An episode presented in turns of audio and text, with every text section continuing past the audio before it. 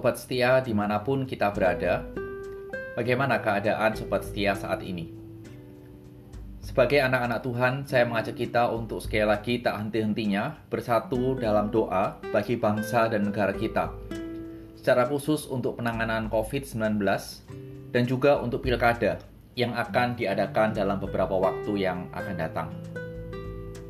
Sobat setia dalam episode yang ke-38, kita akan menyelesaikan Lukas pasal yang ke-9 yang telah kita lalui dalam beberapa episode dan hari ini kita akan menyelesaikan ayat 57 sampai dengan ayat yang ke-62 dan kita akan masuk ke dalam bab 10 atau pasal 10. Dan saya memberikan sebuah judul totalitas.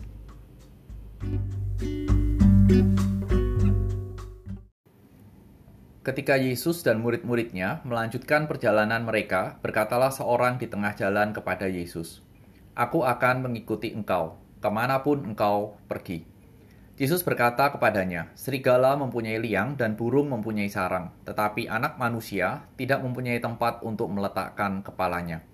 Lalu ia berkata kepada seorang lain, Ikutlah aku.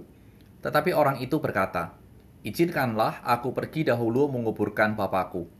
Tetapi Yesus berkata kepadanya, Biarlah orang mati menguburkan orang mati, tetapi engkau pergilah dan beritakanlah kerajaan Allah di mana-mana. Dan seorang lain lagi berkata, Aku akan mengikut engkau Tuhan, tetapi izinkanlah aku pamitan dahulu dengan keluargaku.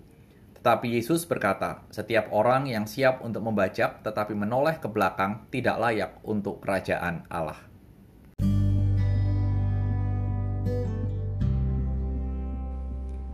Mari kita berdoa. Tuhan Yesus, biarlah hari ini melalui firman-Mu Engkau boleh menyatakan kehendak-Mu bagi kami. Demi Kristus Tuhan. Amin. Sobat setia, dalam suatu pelayanan saya mengajak keluarga saya untuk ikut bersama-sama. Ternyata di gereja di mana saya melayani, anak-anak bertemu dengan pimpinan saya. Dan anak saya yang paling kecil mengatakan, enak kalau ketemu dengan bos papi yang seperti itu.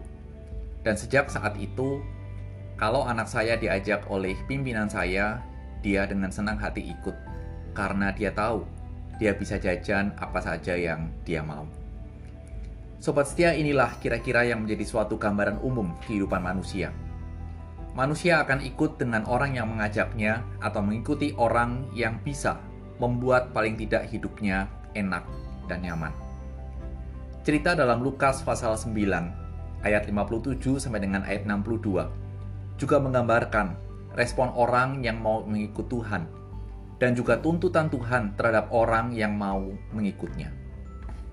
Cerita ini dibuka dengan saat Tuhan ada dalam perjalanan menuju Yerusalem, bukan menuju tempat yang menyenangkan, tetapi menuju kepada salib. Di dalam perjalanan itu tiba-tiba ada seorang yang datang dan berkata, Tuhan, ke mana pun engkau pergi, aku akan ikut. Apakah karena saat itu Tuhan populer, atau mungkin orang itu takjub akan pengajaran Tuhan dan melihat mujizat sehingga dia mengatakan, "Aku akan ikut"? Kita tidak tahu. Namun pasti ada yang membuat dia tertarik sehingga dia mengatakan, "Aku akan ikut engkau ke mana pun engkau pergi." Menanggapi orang yang menyatakan keinginannya untuk ikut Tuhan, Tuhan tidak langsung mengiyakan keinginan orang itu. Tapi Tuhan seakan-akan menguji niat atau tujuan orang itu dengan mengatakan bahwa burung dan serigala tidak pernah pusing untuk mencari tempat bagi dia tidur. Tetapi aku mau tidur saja, tidak ada tempat. Tentu kita bisa membayangkan kalimat dari Tuhan. Ini bagaimana? Buat tidur aja susah, apalagi buat makan. Dan kehidupan model apa yang dijalani oleh Tuhan Yesus? Bukankah kalau kita memikirkan untuk tidur paling tidak kita memerlukan tempat yang boleh tanda kutip nyaman. Supaya ketika kita bangun, badan kita bisa fresh. Sehingga kalau gurunya saja tidur susah, apalagi muridnya, apalagi pengikutnya. Kira-kira itu yang bisa terjadi di dalam berbagai macam logika dan bayangan dari orang-orang itu. Sobat setia, kita tidak tahu apa yang menjadi kelanjutan dari cerita orang ini. jadi ikut Tuhan atau tidak, tetapi yang jelas kita belajar bahwa kalau ikut Tuhan supaya kita menjadi hebat dan menikmati hidup makmur di dunia ini, saya rasa ini adalah sebuah tujuan yang salah dan keliru yang perlu kita koreksi. Ingat kalimat dari Tuhan yang baru saja kita bahas. Dan bila kita memiliki tujuan hidup dan tujuan ikut Tuhan seperti ini, saya mengucapkan selamat merenung dan selamat berefleksi. Kemudian cerita ini berlanjut, sobat setia semua.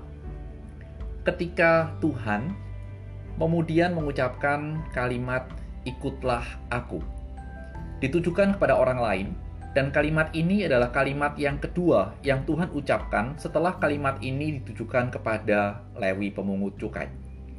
Bila Lewi pemungut cukai dengan sigap dan segera mengikut Tuhan, di dalam cerita ini Lukas menampilkan ada dua respon yang berbanding terbalik dengan cerita Lewi pemungut cukai.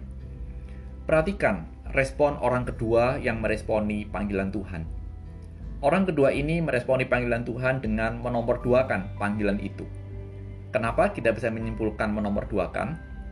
Perhatikan, karena dia meresponi dengan sopan menyampaikan permintaan izinnya. Dia meminta izin untuk menguburkan ayahnya. Dan memang benar, menurut adat Yahudi, penguburan orang tua itu sangat penting, dan seorang anak harus melakukannya. Namun, perhatikan, ayah yang dibicarakan oleh anak ini belum mati. Kenapa? Ayah ini masih hidup dan kemungkinan tua, karena kalau sudah meninggal, pasti saat itu anak itu tidak mungkin berada di situ, ada dalam kerumunan, menemui Tuhan Yesus dan berbicara kepada Tuhan Yesus. Pasti anak itu sedang ada dalam upacara pemakaman. Sehingga, mari kita masuk ke dalam pemikiran lebih lanjut. Kalau ternyata ayahnya masih hidup dan dia meminta izin untuk menguburkan, pertanyaannya adalah mau berapa lama menunda untuk mengikut Yesus dan menunggu sampai akhirnya ayah ini mati baru mengikut Tuhan. Berapa lama Tuhan Yesus harus menunggu? Sehingga dalam bahasa saya adalah ikut Tuhan itu now or never. Itu bahasa saya. Makanya ketika Tuhan meresponi respon dari orang kedua ini, Tuhan seakan-akan menggunakan bahasa dengan nuansa militer kalau ikut, ya total. Kalau tidak, ya sudah. Dan sekarang coba perhatikan respon orang yang ketiga. Respon orang yang ketiga ini unik. Mengapa? Karena mungkin dia mencermati apa yang terjadi kepada orang yang kedua. Sehingga sebelum dia menyampaikan izinnya kepada Tuhan, dia memulai dengan sebuah komitmen. Aku akan mengikut engkau.